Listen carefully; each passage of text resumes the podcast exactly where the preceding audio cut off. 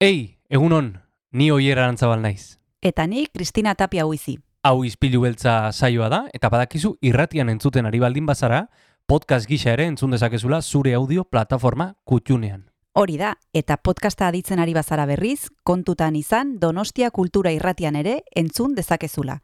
FM eundazazpi puntu lau frekuentzian. Sare sozialetan ere topatuko gaituzu noski, izpilu beltza bilatuta, Instagram, Facebook eta Twitterren. Besterik gabe, guazen gaurko saioarekin. Az gaitezen,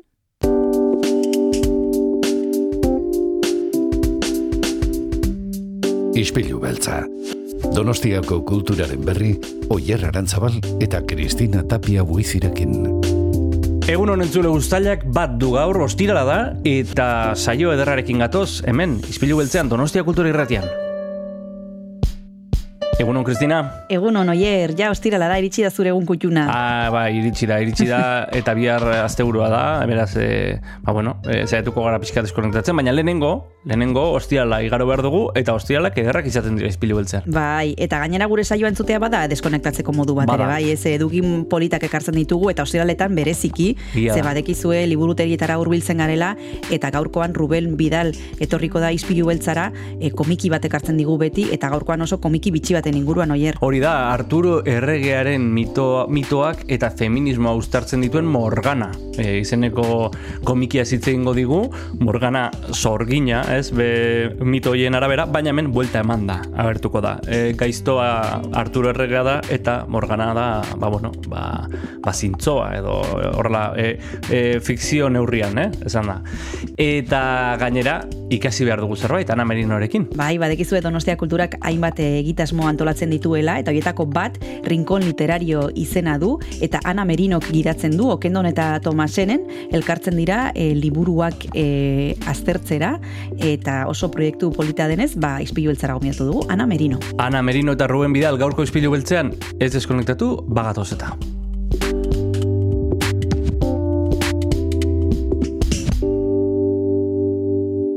When I'm in lost with no direction.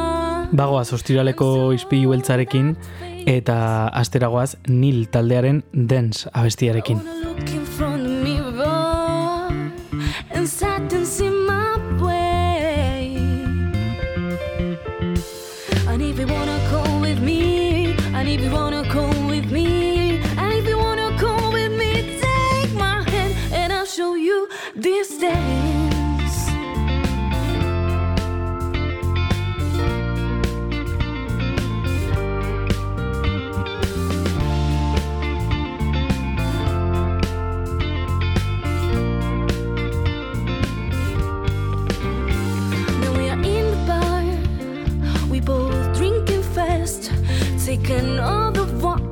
Give you a dance. Don't look at me the way I'm the queen of this dance floor. If you wanna see these steps,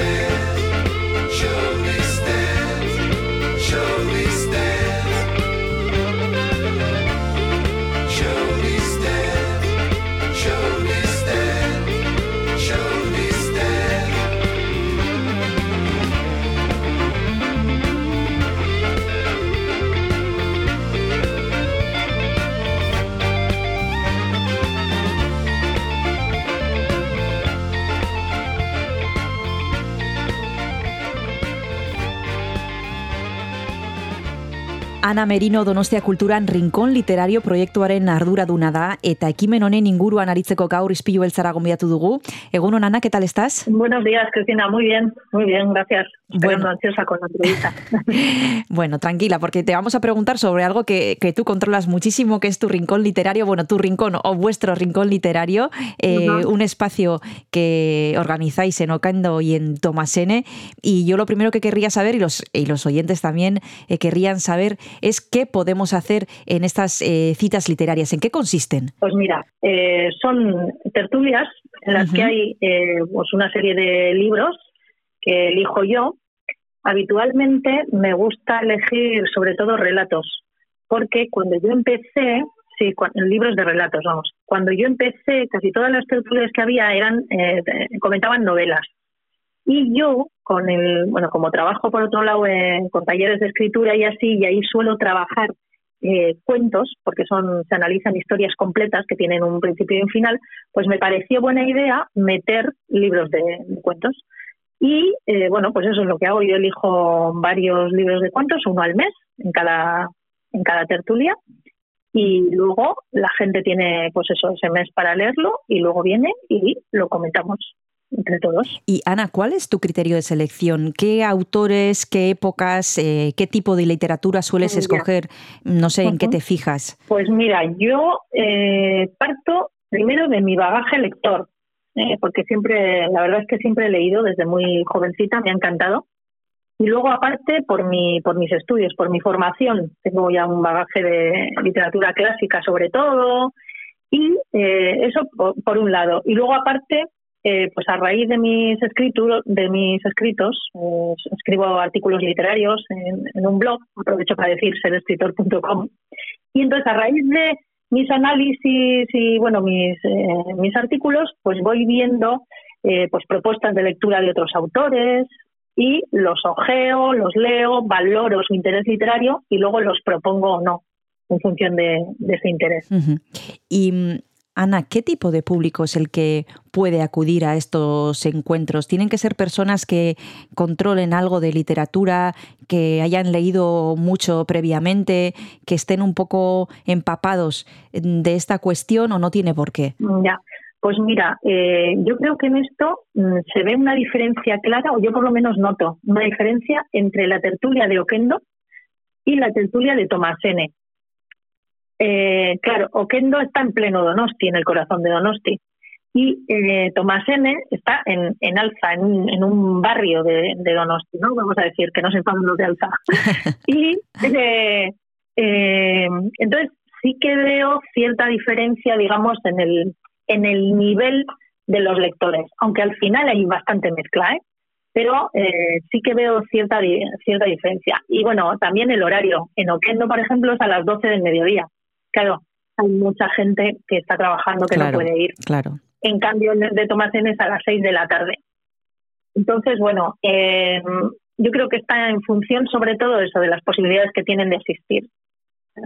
Entonces ahí va, pues en función de los, los jubilados van más a Oquendo, bueno, eh, yo creo que esos, esos son los eh, los diferentes tipos de, Hmm. de lectores. Podríamos decir que puede ir cualquier tipo de persona que no tiene que ser un experto en literatura, entonces, Ana. No, no, no, no, no, no, no puede ir, no, no, no, no. O sea, no puede ir, no, no, no importa, no Claro, importa. eso es. Pueden- simplemente que les guste, que les guste leer. Eh, por lo general suelen leerlo todos los que vienen. Hay gente que igual a veces viene a escuchar. ¿no? De hecho, hay- hay- ahora mismo recuerdo a una, una señora suele venir que ya me dijo desde el primer día que ella venía a escuchar. Mm. Y luego, en función de lo que oyera, Ah, ¿lo leía o no? leer, no, no. Ah, Sí, sí, sí. al revés. Entonces, bueno, pero al principio no, no, la gente que le guste leer y bueno, que, que le apetezca compartir sus lecturas. Has mencionado a una mujer, Ana, y aquí todos los viernes hablamos con personas que, que impartís cursos o que estáis eh, guiando estos, estas charlas literarias y casi todas ellas coinciden, salvo en algunos pocos cursos que son como más técnicos y más específicos, que el perfil eh, de quienes eh, asisten es el de una mujer de una edad ya, pues mediana edad, eh, jubilada. ¿En tu caso también ocurre así? Sí, sí. eh, en general sí. Este año, es que lo tengo muy fresco, por eso lo digo, hemos dado en Tomás un- hemos leído, a ver, ¿cómo es? Exhalación de, de, de Chiang, que es de ciencia ficción, un poco así moderna, ¿no? Y eh, hemos tenido una sorpresa muy grande, grata, porque ha venido bastante gente joven. De repente, yo creo que también tiene que ver con, el tema y con la elección del libro. Pero sí que es verdad que la mayoría son mujeres de mediana edad. Hay algunos hombres, eh, poquitos, y también de mediana edad. Pero sí, sí, eh, estoy de acuerdo con eso, con eso que has dicho, sí. Sí, sí. Ahora mismo vamos a seguir hablando de vuestro rincón literario, pero nos vamos a tomar un descanso y para eso te voy a pedir que nos propongas una canción, algo que estés escuchando últimamente, algo que te guste. ¿Qué se te ocurre? ¿Qué podemos compartir con los oyentes? Pues mira, eh, últimamente me encanta por el, por el buen rollo que despide la canción Felicidad de Isaro. Perfecto, pues vamos a escuchar a Izaro. De acuerdo. Una pregunta tengo que me invade, me invade la curiosidad. Tengo una pregunta tengo que me invade, me invade la curiosidad. ¿Quién será? Ay, ¿quién será? ¿Quién será la felicidad? ¿Cómo será? Ay, ¿cómo será? ¿Cómo será la felicidad?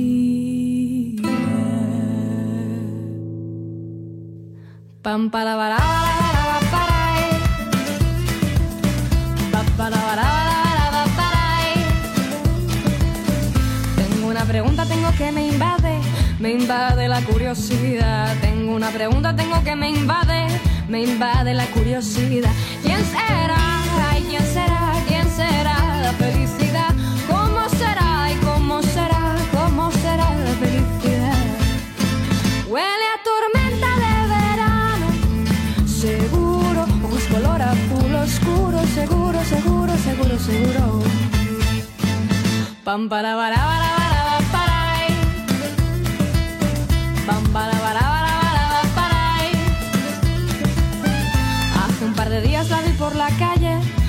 la calle la vi pasar. Hace un par de días la vi por la calle, por la calle la vi pasar. ¿Dónde irá?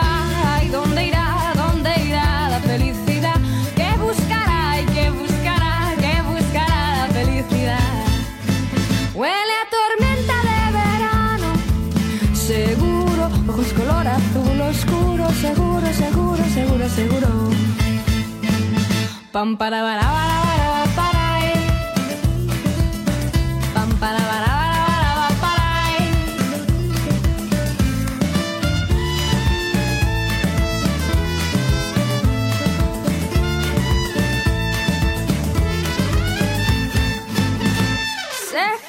se me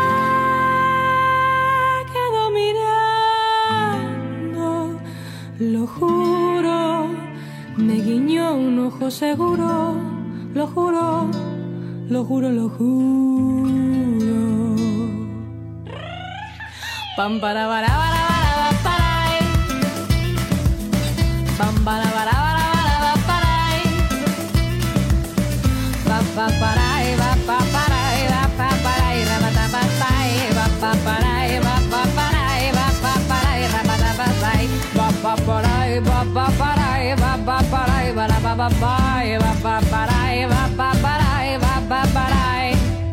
La felicidad, ah, ah, la felicidad, ah, la felicidad, la felicidad.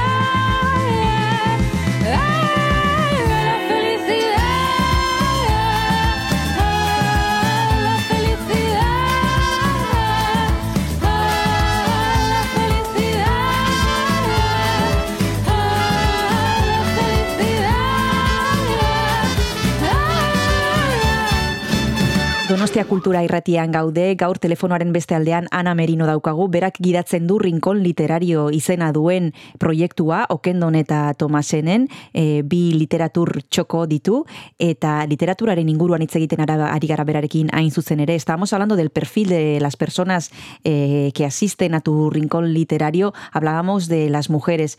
¿Qué cualidades describirías o dirías que tienen esas lectoras eh, mujeres? Eh, cualidades. Bueno, ¿qué Mm. características, quiero decir, eh, eh, qué características tienen comparando con, con los hombres, por ejemplo, con las personas más jóvenes? ¿En qué se fijan, qué valoran, qué literatura les gusta? Mm, Bueno, a ver, eh, yo no, a ver, no sé si veo tanta diferencia, eh, por ejemplo, entre los hombres y las mujeres en cuanto a la elección de, de las lecturas, pero sí entre los jóvenes y los no tan jóvenes. Ah, por eso es por eso que te, que Sí, te he dicho sí, sobre sí, eh, la ciencia ficción, por ejemplo, que es un género, digamos, que atrae más, bueno, es un género y encima el libro era muy actual, de ahora mismo. Entonces yo creo que eso sí que hace que, eh, que se apunten más jóvenes a venir, pero no respecto a la diferencia entre hombres y mujeres las cualidades no, no noto yo, no, veo yo diferencias. Y Ana, hay muchísima diferencia cuando uno lee un libro en su casa y ya, y cuando uno va a una tertulia en la que puede hablar y en la que puede destripar ese libro y sobre todo cuando hay alguien como tú que va guiando un poco esa, esa charla. Y mm, yo querría saber también tú dónde incides, en qué cosas haces que los asistentes se fijen, qué les subrayas de un libro. A ver, eh, yo eh, me suelo decir que mis comentarios, o sea, mis tertulias son muy literarias.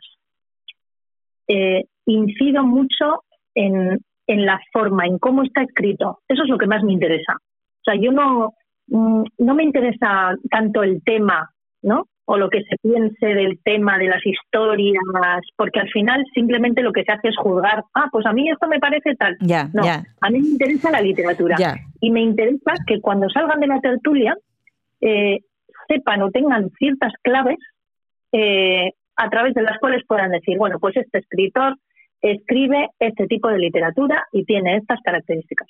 Entonces a mí me interesa la forma, por ejemplo, la estructura, el punto de vista narrativo desde el cual está contado, eh, el lenguaje, las palabras, el vocabulario, las figuras literarias, eh, la intención que ha tenido el autor al escribir el libro. Siempre me encanta preguntarles, bueno, ¿por qué creéis que fulanito ha escrito este libro?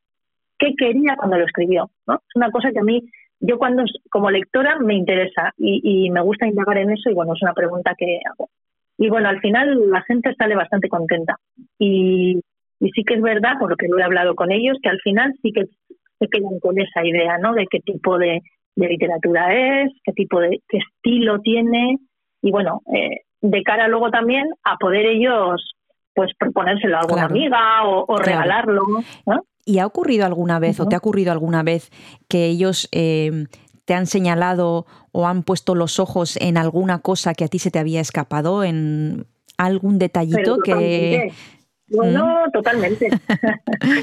totalmente, sí, sí, sí, sí. Eso pasa muchas veces. ¿eh? Eh, lo que pasa es que es una gozada y precisamente las tertulias lo que tienen es eso. Tú lo lees en casa, en la soledad de tu sofá, de tu salón Sí, y lo disfrutas. Pero claro, luego eso, esa lectura, eh, mm, no sé, te, te surgen ideas alrededor de, de cómo ha tratado el tema y tal, y entonces tú quieres compartirlo con los demás. Y llegas a la tertulia y entonces hablas de lo que tú has sentido, de lo que has pensado, y entonces pues alguien te dice, oye, pues esto no te parece que tal, y tú ya, es verdad. Entonces te hace cambiar de, de opinión o no lo ves más claro desde otra perspectiva. Entonces al final yo creo que lo que consigues es enriquecer esa lectura, pero Ujú. sin duda además. ¿eh? nos vamos a tomar el segundo descanso, Ana, y te voy a pedir que nos propongas la segunda canción. Antes nos has propuesto Felicidad de Izaro. No sé qué podemos escuchar ahora. Pues mira, ahora un bolero que me encanta desde hace muchos años, Ajá. Que se titula Por debajo de la mesa. ¿Podría ser eh, la versión de Armando Manzanero con Carmen París? Perfecto, ahora mismo la buscamos. De acuerdo, gracias.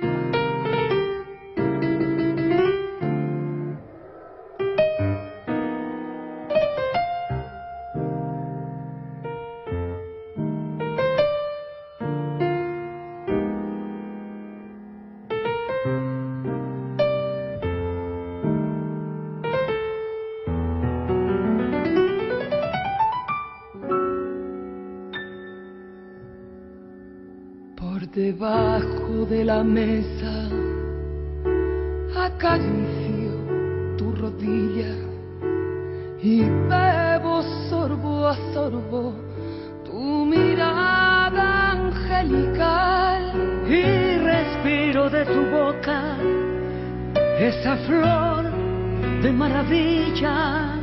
Las alondras del deseo cantan,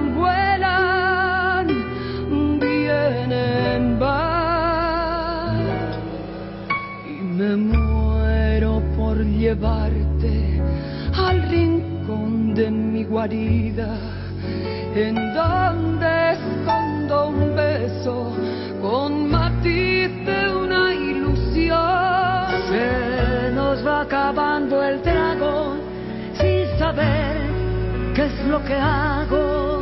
Si contengo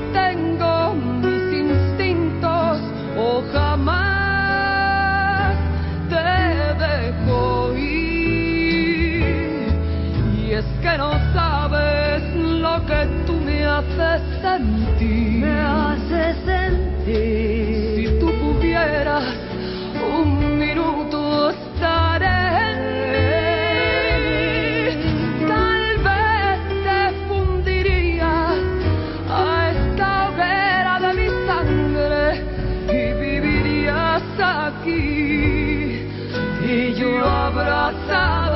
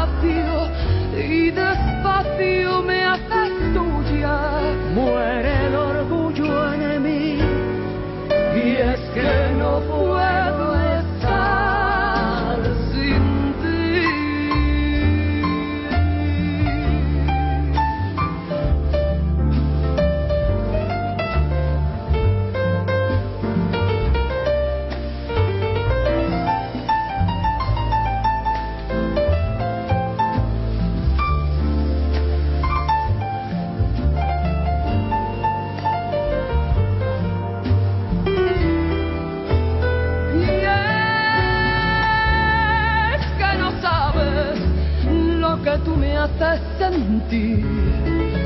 Que no hay momento que yo pueda estar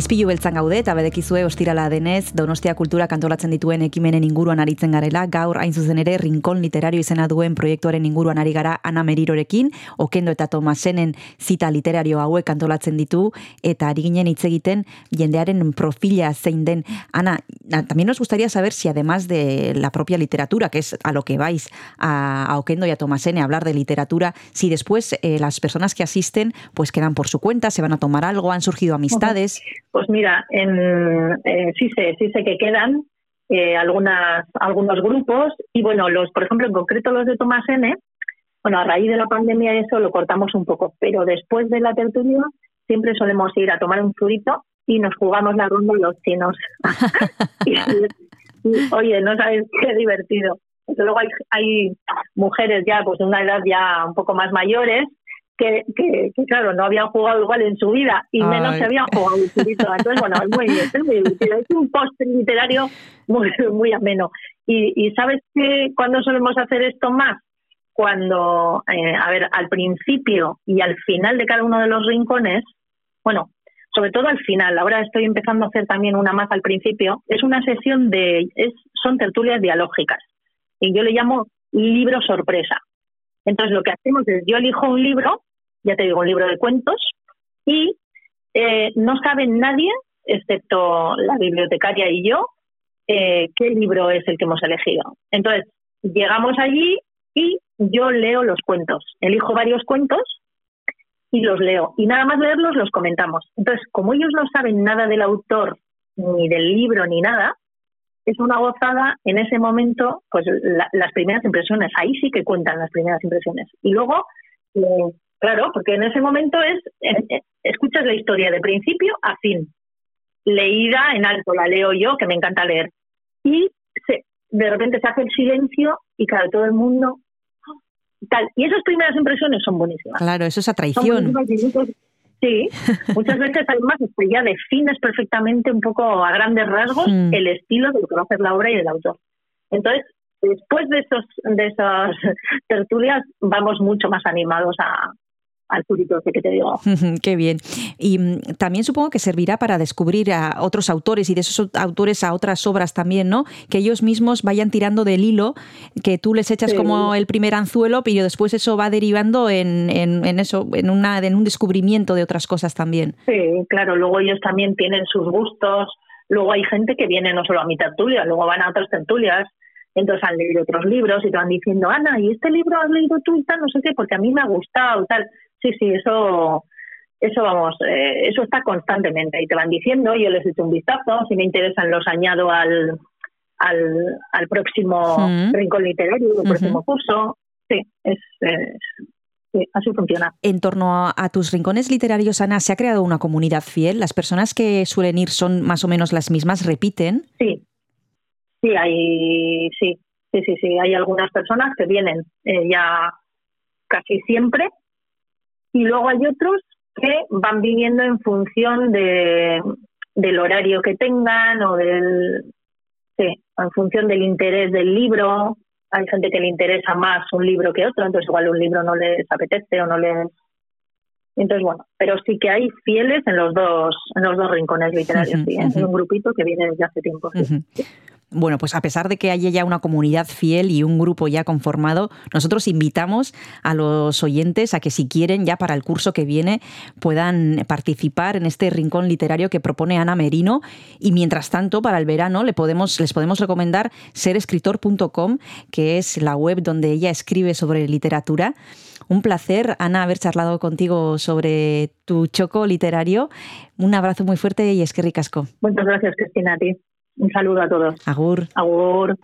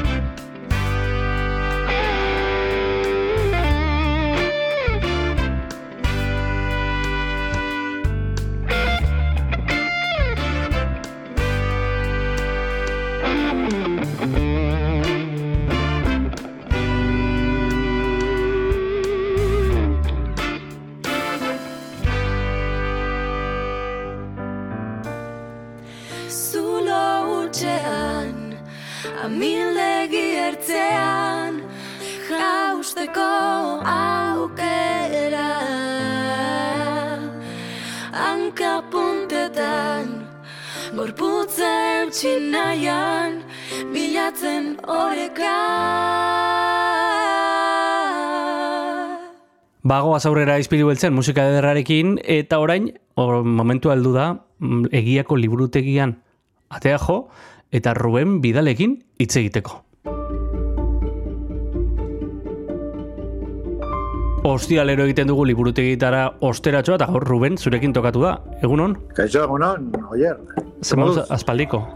Bai, Eh? espaldiko. Esango nuke, eh? Bueno, Hemen gogotxu, bai, zurekin berriro aritzeko, de, bueno, aspaldi, eh, Kristinakin ondo nago, eh? bai, No, baina bueno, bai, bai. falta posatu, pixkat. Bueno, bueno, ba, me- hementxe gaude elkarrekin berriz. E, eta elkarrekin berriz liburua gomendatzeko en, udan gaude ja da, nola, nola izaten da uda liburutegian? Nabaritzen duzu jende gutxiago, ondartzara jendea Ba, goten dela? Bai, bai, bai, bai, bai, bai. Egi alde honetan menepein, bai, e, ja, ekain aldean, bueno, ikastolak eta bukatu, eta danak, ala, ospa, danak ondartza, edo haize hartzea dijoaz. Eta, bueno, baten bat etortzen da, liburu bila, ala, karro txartuta, eta gero danak, ala, ospa, gure, gu hemen bakarrik utzita. Ze perfila gerturatzen da? E, ze, ze despistatu gerturatzen da e, liburutegia? Ez, ez, bueno, eh, ja izaten da pixkat, ba, supermerkatuko kajero bezala, eh? Hartu, venga, eta de, denetek, eh?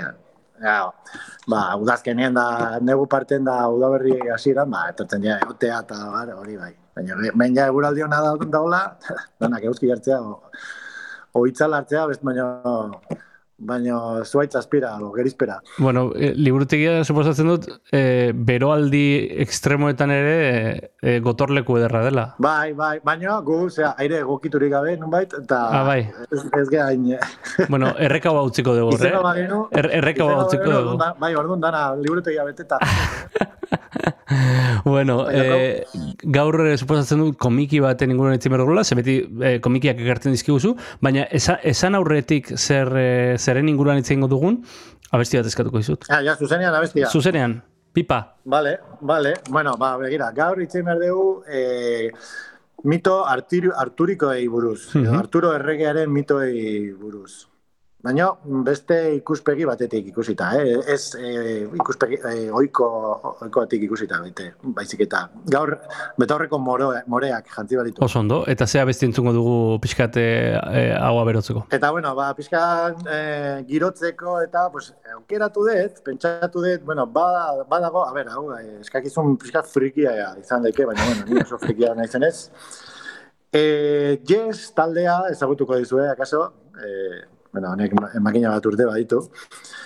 Eta hor, e, bere tek, nola esaten da, teklista, bai, teklistak, e, egin omentzun, ba, diska kontzeptual edo berezi bat, Bai, e, Arturo Erregeari buruzko musikarekin. Eta, Ara. bueno, Orduan, Rick Wakeman da eh, teklista ospetsu hori.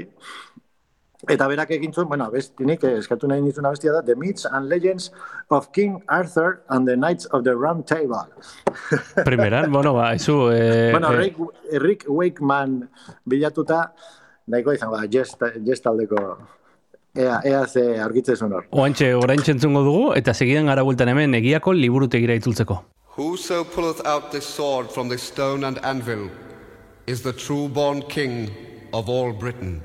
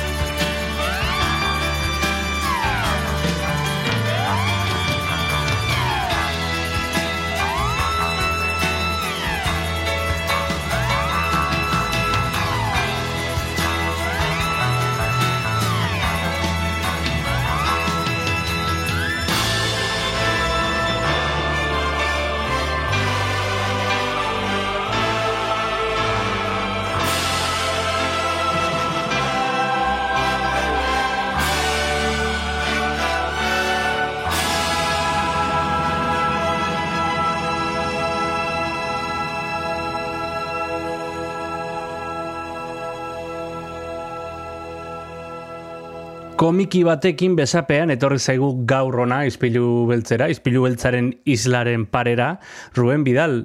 Eta, eta bueno, komiki berezia da, aipatu duzu, e, mito arturikoak eta feminismoa batzen ditu, ezta? Bai, bai. Horrela ikusita eh, berezia, ezta?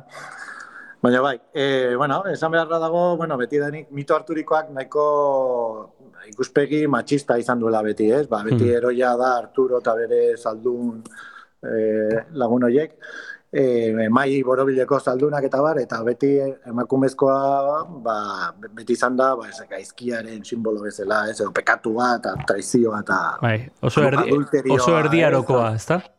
Bai, bai. E, e, eta bueno, ba hori, eta orduan ba komiki honek aldiz hartzen ditu pertsonai horiek, Arturo Tabar eta Ginebra eta Morgana, batez ere, Morgana sorgina, eta buelta ematen dio, eta bueno, be- beste esplikazio bat ematen dio, eta bueno, emakumezkoari beste protagonismo bat ematen dio. Orduan, e, izenburua da Morgana, ki- komiki honena, Morgana, horrela. Eta bere egileak dira eh, Stefan Fer eta Simon Kansara, frantziarrak. Mhm. Kansara da eh, gidoilaria eta Fer da ba, marrazkilaria. Hmm. Ruben, kontatu iguzu, eh, Morgana nor da? Eh, Morgana sorgina aipatu duzu, baina segurazki norbaitek ez du ezautuko. Bai, Morgana, eh, Morgana nunbait, bueno, a ber, mito hartu dikoak nik buruz ez dakizkit, baina hemen komikian azaltzen dan bezala, da eh, Arturo erregearen ba, eh, sasi arreba. Osea, eh, aita, ez, am- ama berdina dutenak eta aita ezberdinak. Bai. Eta nunbait da, bueno, Arturoa, Arturo ba, argia baldin bada, ba, bera da, pues, eh, iluntasuna, ez? Hori, mito, ba, betiko, beti kontatu izan digutena, ez? Ba, erdiarotik datorrena. Baina hemen berri irakurketa bat egiten da, ezta? Hemen, e, e, bai, hemen guztiz kontrakoa da. Eta, bueno, baita ere, e, Merlin aztia hortxe, hortik ere asaltzen da. Bai. Eta beti, ba, mito horietan beti Merlin da, ba, ona, ez? Ba, azti ona, eta Morgana justo ba, baita ere bere kontrakoa, ba, oso sargi, sorgin, gaiztoa, eta... Eta hemen, ba, eta hemen hemen justo Merlinda, komikionetan da hemen ber, Merlinda Saruman bezala, ez da? Hori da, hori da. Ointxe esan dezu, bai, bai. Hori da, saruma bezala, ba, ba hori, ba, ba, gaiztoa edo ba, bere interese, bere, bere interesak bilatzen dituena, eta mor, bueno, Mor- morganak ere bereak ere bilatzen ditu, baina, bueno, bere, Bai. beste, beste batera. Bueno, eh, ona Morgana komikia, oraintxe jarraituko dugu hitz egiten liburuan inguruan, baina bitartean tartetxo bat hartuko dugu deskantxo bat hartzeko.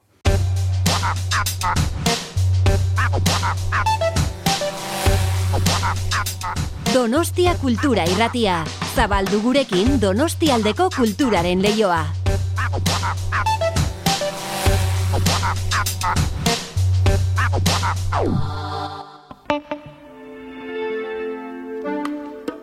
Ruben Bidalekin ari gara komiki baten inguruan hitz egiten, mito arturikoak eta feminismo uztartzen dituen hain zuzen ere, e, izena du Morgana, eta orain, ez dakit e, zergatik, aukeratu duzun, entzuten ari garen abesti hau, e, Ruben, e, ze abesti da? Bueno, be, bigarren abesti hau, ba, aukeratu dut, eh, Roxy Music, talde, gaur oso klasiko etorri naiz, ez? eh, yes, taldea, orain Roxy Music. Ba, Roxy Music taldearen eh, Avalon, abesti ospetsua, ezagutuko duzu, eh? Hau oso klasiko klasikoa da. Bai. Ta Avalon, ba, Avalon zan, ba, eh, Arturo erregearen garaiko ba, irla mitiko edo, bai, hola, zera, paradisiako bat bezala. Hola, galdua eta ba, zegona. E, nik uste eta ambiziziala, ez? E, eh, mm, mai borobileko saldunak eta, Bai. eta hori, Avalon. Entzun dezagun, eta segituen gara bueltan. Out of nowhere. When the background fading out of focus there's the picture changing every moment? And your destination you don't know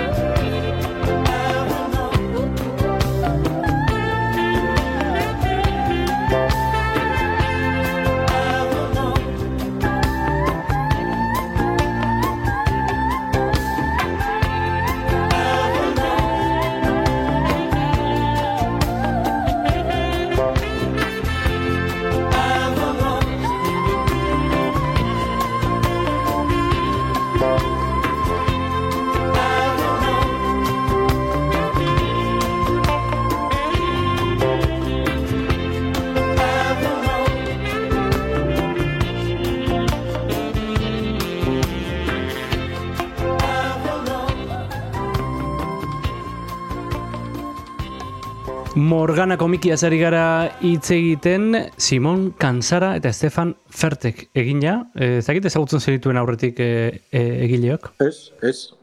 Egia esan ez. Baina gustatu zaizkit. eh, Batez ere, bueno, gehien erakarri nauena da marrazkia. Marrazkia eh, zoragarria. Zoragarria eta ikusgarria, eh? batez ere koloreak. Eta Mhm. oso kolore deigarriak dauzka. E, a ber, tonoa, komikiaren tonoa iluna da, eh? eta erabiltzen ditu ba, margo iluna bezala, baina tarteka habla ma, magenta batzuk eh, eta urdin argi hola, oso Bai. eh, oso atmosferikoa da, eh? Ze, atmosferari eta giroari garrantzi handia ematen dio. Nik e, Stefan Ferten e, marrazkiak ikusita edo dibujoak ikusita, etorri zait gogora en, en, e, ateako zait, urmeneta, e, ez? E, Asisko urmeneta etorri zait gogora. Bai, bai, bai, estilo hortakoa, bai. Bai, ez da, ez da marra garbikoa da, eh, koloreari ematen dio Mhm. ba, garrantzi gehiago. Eta niri gogora ekartzen dit adibidez, eh, Marjan Satrapi, eh, Persepolis komiki ospetsua egin zuena. Bai. Ba, hola, hola, estilo hortakoa. E, eta hori, ba, hori, kolorea batez ere, eh? E, gero, volumen gutxiko mm, marrazkiak dira. Osea, berari interesatzen zaio, pues hori, koloren kontrasteak eta, eta giro, giro, osea, erdi vampirikoa esango nuke. Oda, osea, giro, ez dakit, ba, iluna, oso iluna. Tira, e, hori da gaurko gure gomendioa, ez dakit zerbait gehitu nahi duzun? Eh, bueno, ba, ba ze, mm, bueno, eh, orain eh, egun hauetan San Juan gaua eta datorrenean da ba, inguru hortan gabiltzala iaz goatzen naiz, eh, bai, eh, zurekin egin nun gainera. Bai. Eh, urmenetaren komiki bat eh, Zugarramurdiko sorginei buruz Egia da, egia da. lotuta. E, e, eta aurten, pues hori, mito harturikoak ere, ba, zeltan, pues, e, kulturarekin lotuta dago, eta San Juan Suba ere oso zeltikoa da. Eta horregatik ere burutatu zaitez, Morgana aukeratzea. Nik beti ez dakit, zeratik, bet- beti. Komik historikoa, bueno, hau historikoa berez ez da, ez, eh, mitoak eta Bai. lehendak eta erensugeak eta bar, ez? Baina, bueno, badaka puntu hori, ez? Puntu hori dauka. Oiek, badakizu, ba, ez dakit. Neukan pentsatuta beste zerbait aukeratzea, baina, txiko, Mhm. beti, esan dizut, eh, erakarri, erakarri nindun pila bat, eh, margoak, eta benetan eh, merezi du. Ira, nunbait irakurri dut, eh, marrazkilaria, ba, bueno, bere, bera jasotako eraginak eta hoien artean, ba, gogen eta zezan, eh, Bai. hauek oso gogoko ditu. Eta egia da, marrazkiak oso fazetatuak dira, ez? E, ba, ba, ba, lehen esan dena, volumen gutxi eta batez ere kolore lauak, ez? El planoak eta hola, kon- eh, hola erdi, kubista, bezala, ezakit. Bai, bai, Osea, ku- pila, pila gustatzen. Oso kuriosoa da, oso kuriosoa da, oso Bai. marrazki bizidun e, tankerakoa ere, ez? E, e, Bai, egin, bai, lite, bai, bai. egin liteke, egin liteke marrazki bizidun bat hemendik. Bai, eh, baten batek eh, aipatzen du, ba, Disney klasikoaren eh, influentziak ere badituela. Stefan Ferronek, eh, ba, loti ederrarenak, eta Bai. bar, eta bai, bai, oso kurioso da, eta, eta gero, historioa batez ere, ba, oso kurioso, ba, jartzen duelako, eh, lehenengo mailan, ba, Morgana, Morgana da, osea, pues hori, ba, Merlin, bigarren maila batean jarri, eta bera protagonista, eta, eta bera, Be, eh, izatez, bera izan behar zuen Britainiako erregina, baino Merlinen azpijokoen eraginez jarri zuten eh, Arturo. Arturo. Bai. bai. Bai. dana leyenda da, eh? Bai, bai, bai, bai, betira, eh, eh, esan, esan, ba, dugu, eh, Morgana eh, komikiak uztartzen ditu mito arturikoak eta feminismoa, ez? Eh, horregatik, Bai, horregatik berri irakurketa. bai, esplikatzen du, ba, mito harturiko horiek, ba, baina ba, emakumezkoaren eh, ikuspegitik. Eta orduan, ba, hori, bera izan nahi zuen ergina, eta ez dut, bai, ba, Merlinek erabakizun, ba, Arturo izan bertzula, asmatu zuen eskalibur espataren Bai. guztia, eta orduan, ba, amorratu egin da neska, arrazoi guztiarekin, eta orduan, ba, mendekua, mendekua nahi du, ez?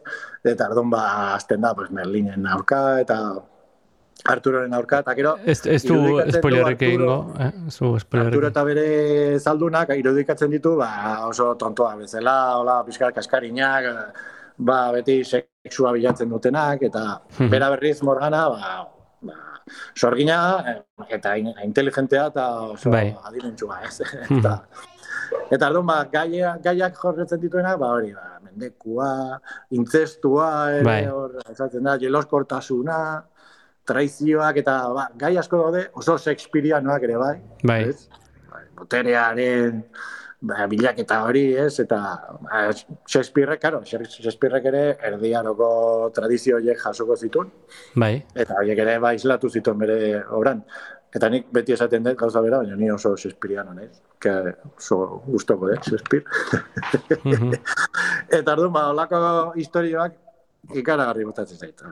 Bueno, ba, ba hor botako dugu gomendioa, e, badakizu entzule, ostiralero, ostiralero, liburutegitara gerturatzen gara, liburu bat gomendatzeko, eta gaur sortez e, Ruben Bidalen eskuetan erori gara, Morgana, e, komikia ezagutzeko, Simon Kansara eta Stefan Ferten e, liburua, edizio originala Del Cortek e, kaleratu zuen, eta Espainiar Estatuan Nuevo Nuebek e, kaleratu du 2008an, gainera. E, bertako, e, bueno, Espainiar Estatuko edizioa. Berri xamarra da. Aurkituko duzu, bai egiako liburutegian, bai, ba, bueno, gainerako liburutegitan ere, suposatzen dugu, e, topatuko duzula. Besterik ez, e, Ruben, Eta ez galdu, ez galdu, eh, komiki hau, eh, benetan fina dalako. Hori da, hori da. Eh, Hor, horra bota dugu gomendio eta espazio zue gustatzen beste asko daude gainera aukeratzeko. Beraz, e, e, uda hontan ere bisita egin Ruben Bidali. Hori ba, etorri zaizte gure gana, egiaraz bada beste liburutegi batean, eta era- eraman komiki hau edo nahi dituzuen liburu guztiak, eta gozatu udaz. Hori da, hori da, Ruben, eskerrik asko eta bezarka da bat. Zuri, eh, beste bat zuretzat, oier, eta uda ona izan. Uda hona izan, agor agor. Agur.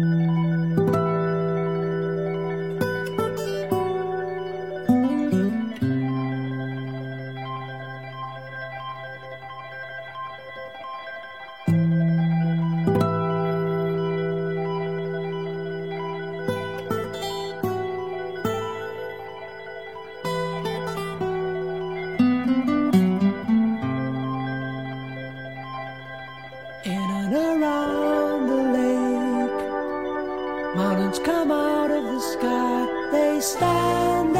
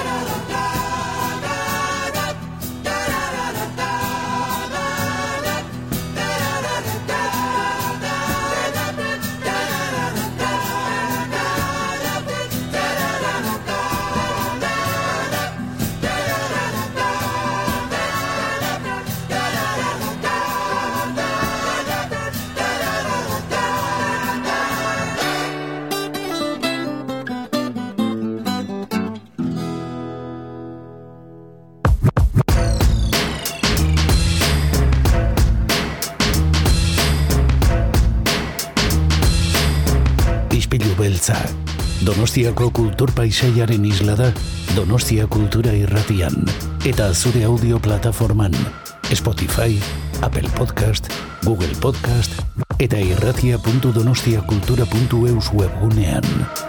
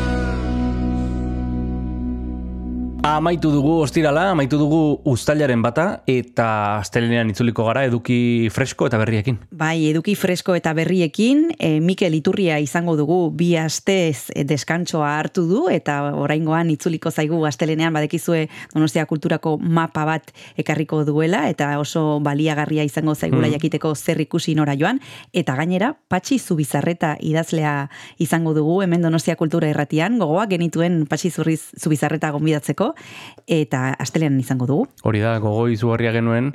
Eta Mikel Iturria hori bi asteko deskantsoa, bueno, badakigu, ibili dela Donostia Kulturaren webgunea berritzen edo berritzen laguntzen, edo bueno, hori ere galdetuko diogu, aber, e, ea, ea noizko espero dezakegun e, webgune berri hori. Mm, Hori guztia, zelenean izango da, bitartean gogoratu, astrenetik ostialera, goizero goizero konektatu dezakezula gurekin irratiaren bidez, FM eundazazpi.lau frekuentzian, Donostia Kultura irratian, goizeko sortziretan, eguerdietan errepikatzen da, eta gauean ere bai. Eta nahieran entzun nahi baldin baduzu, saioa entzun gai duzula, gogoratu, e, audio plataforma guztietan, bertan arpidetu, eta lagun artean zabaldu betikoa. lagun artean zabaldu eta nahi izan ez gero etxaien artean ere partekatu eta gu astelenean itzuliko gara formal formal bitartean disfrutatu asteburua. Berdin, agur agur. Agur.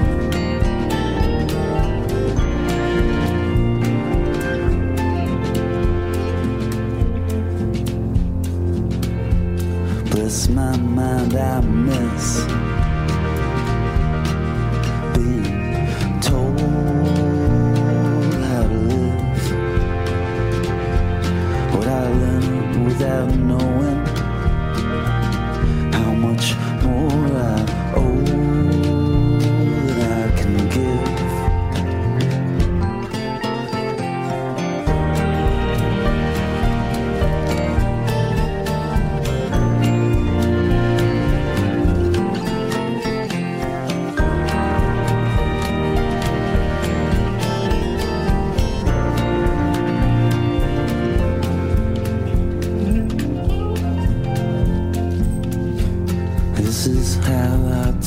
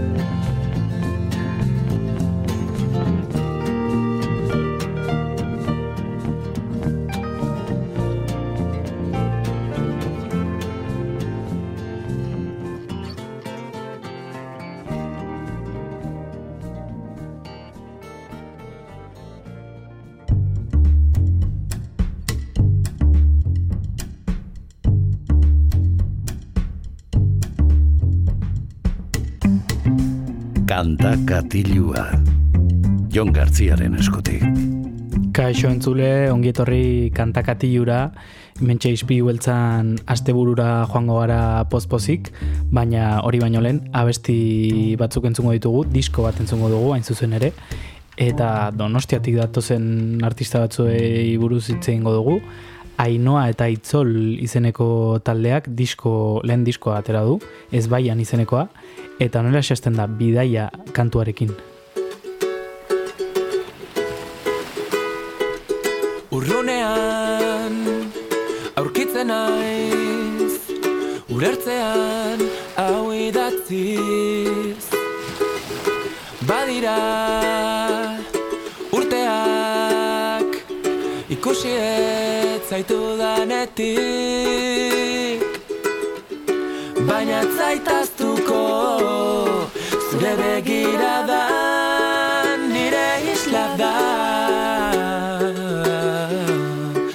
Txasoak dakarkit Nigana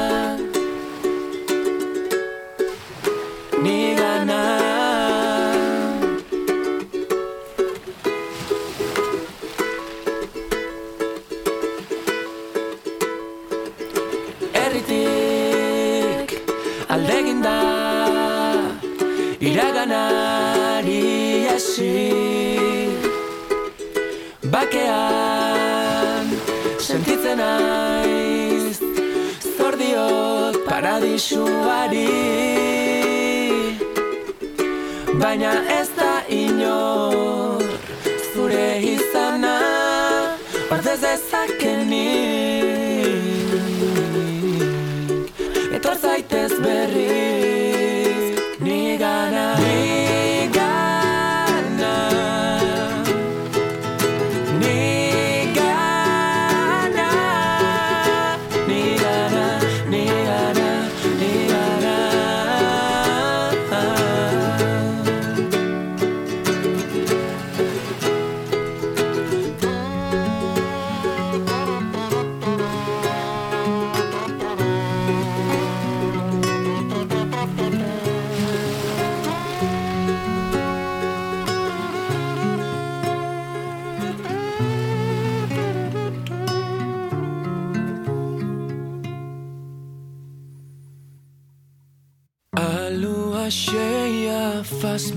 coração disparar.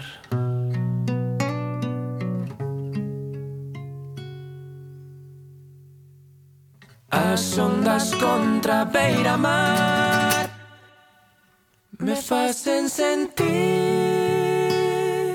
em paz. O som dos pássaros tropicais me faz sonar. Baina ez da hango basorik sekula aztu lezakenik nekez jarraitu bainezake sustraiak erroturik. Baina ez da hango basorik sekula aztu lezakenik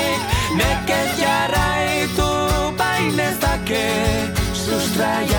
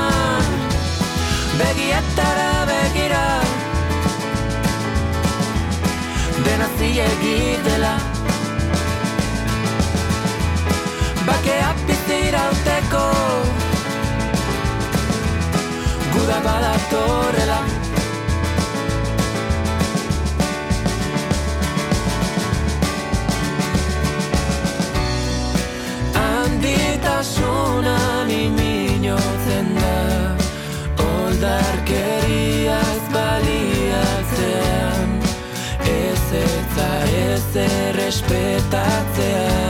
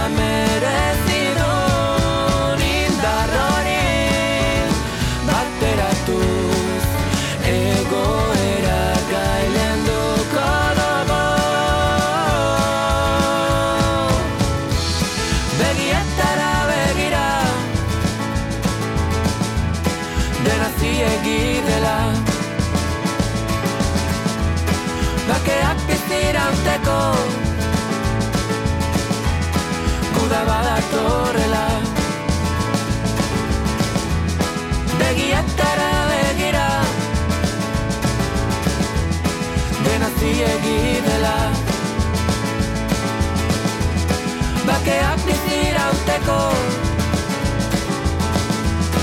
Guda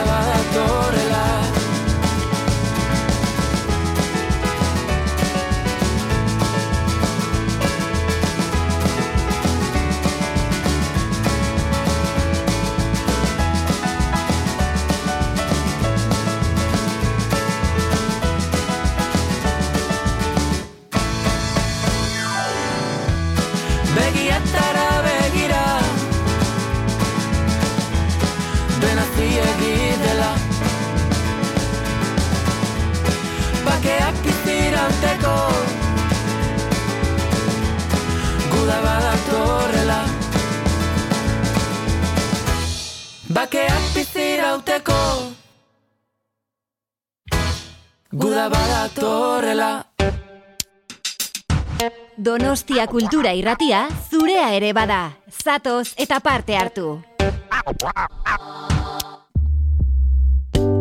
Gogoratu izpilu beltza entzuten ari zalera Donostia kultura irratian, baina nahieran ere topatu dezakezula podcast gisa gure saioa.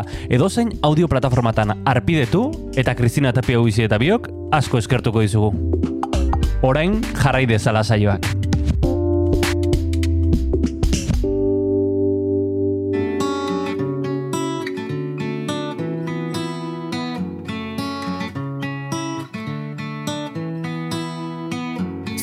Txikitasun horretan handi zinela. Jantzinen, ustu nintzen, urrunginen Gaur nirekin zaude barrenean sentitzen zaitut. Nire marru bizkoa ingerua bihurtu zara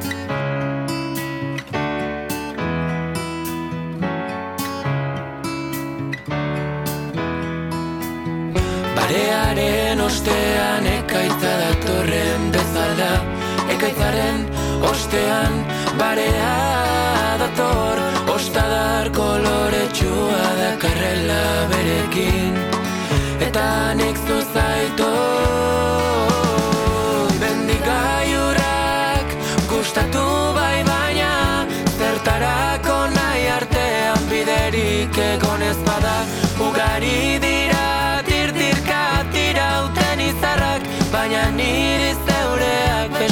ez dit erakartzen.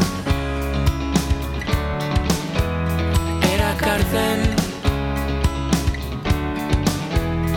Erakartzen. Erakartzen.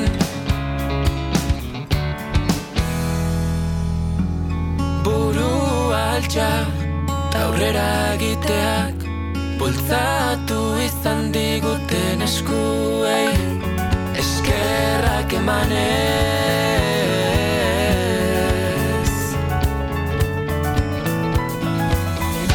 Atzo gaur eta etzi borrokatu beti.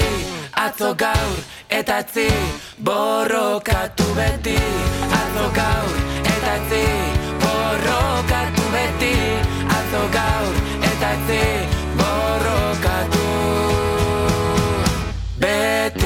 mendigaiurrak gustatu bai baina bertarako nahi artean biderik egon ez bada. Ugari dira tirtirka tira uten izarrak baina niri zeureak besterik ez erakartzen.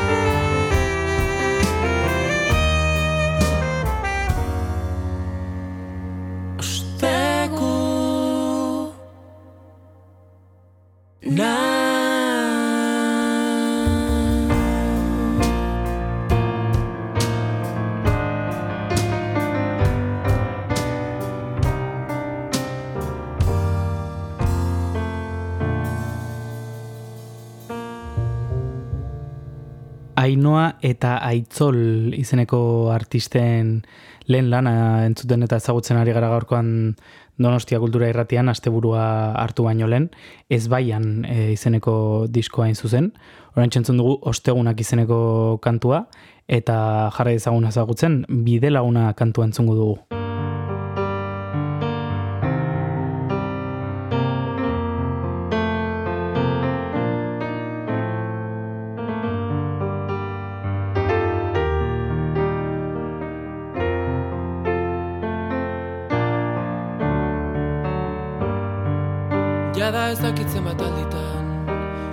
Zaren desertuko hasia. Zure besarkadek baretzen bai dute. Nire itxasoa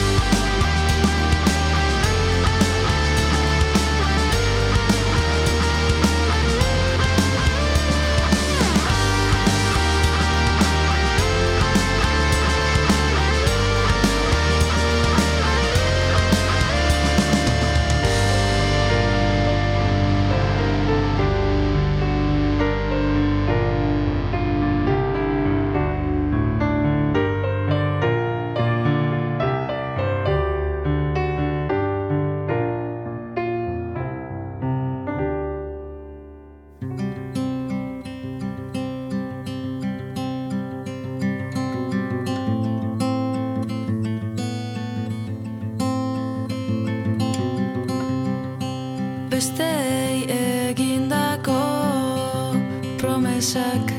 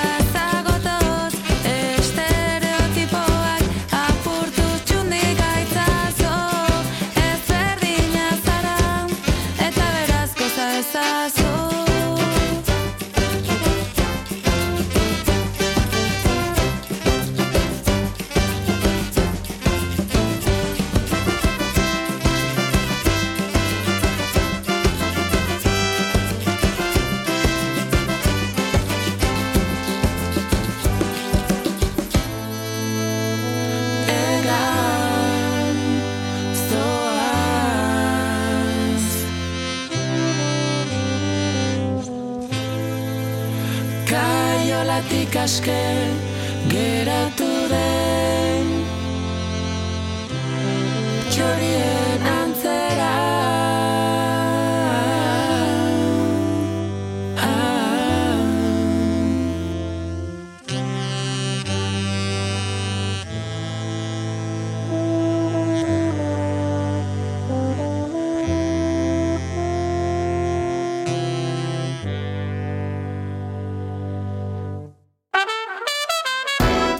Donostia Kultura Irratia. Eun eta zazpi puntu lau.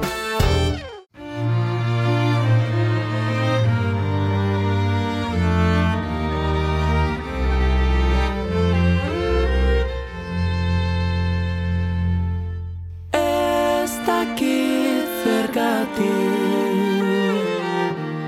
Pentsatu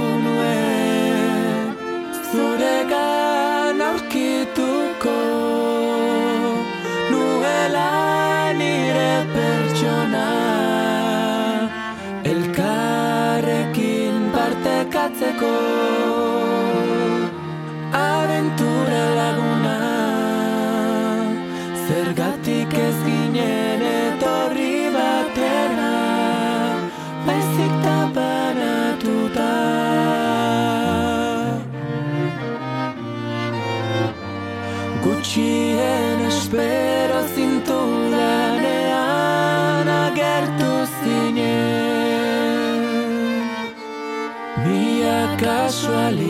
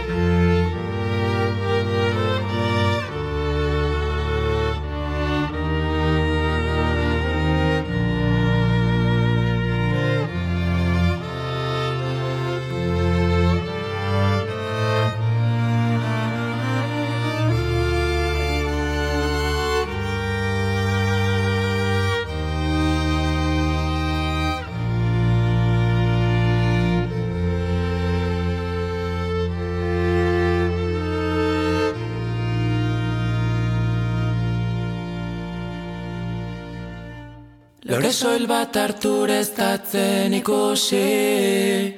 Kausalitatearen lore zainaren eskutik. Irriak malkoa eragin baldin badezake. Lorategiarek itxutu gaitzake.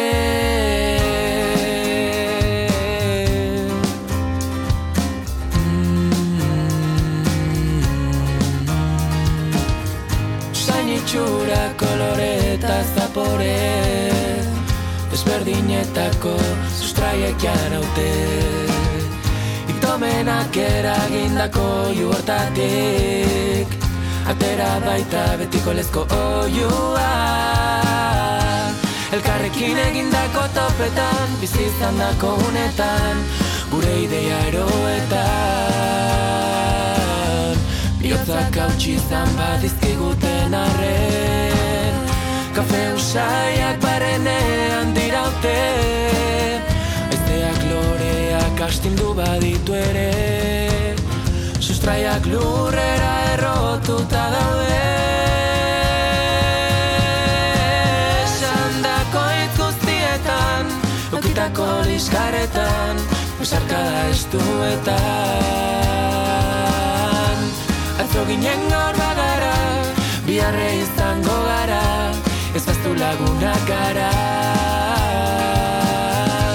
Esandako hitz guztietan Eukitako liskarretan Besarkada estuetan. Atzo ginen gaur bagara Biare izango gara.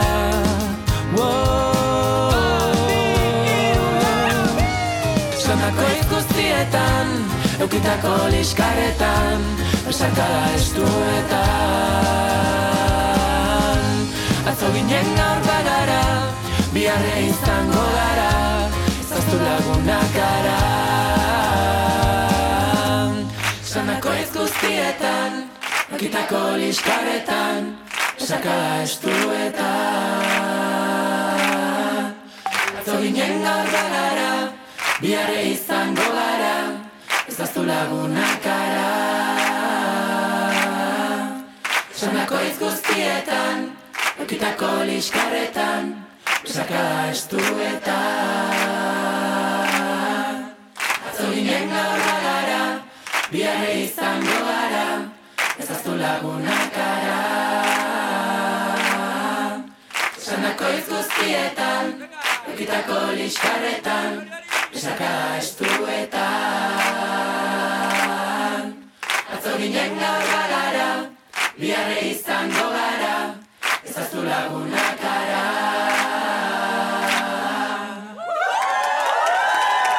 Amaitu dugu aste honetako ispilu beltza eta entzun dugu Ainoa eta Itzolen ezbaian izeneko disko ederra. Urrengo astean itzuliko gara eta bitartean itzuli izeneko kantuarekin utziko zaituztegu, beraz e, asteburuan eta astelen arte.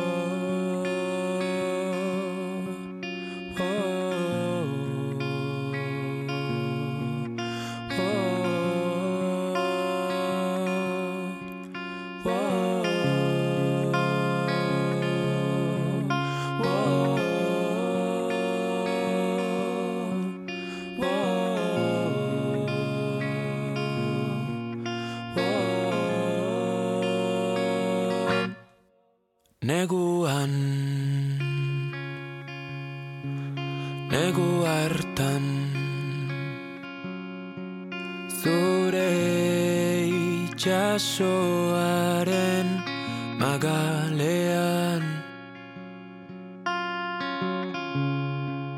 Galdu nitun Beldurrak eta Lehen aldiz esan nizun. Mesedez itzuli. Ta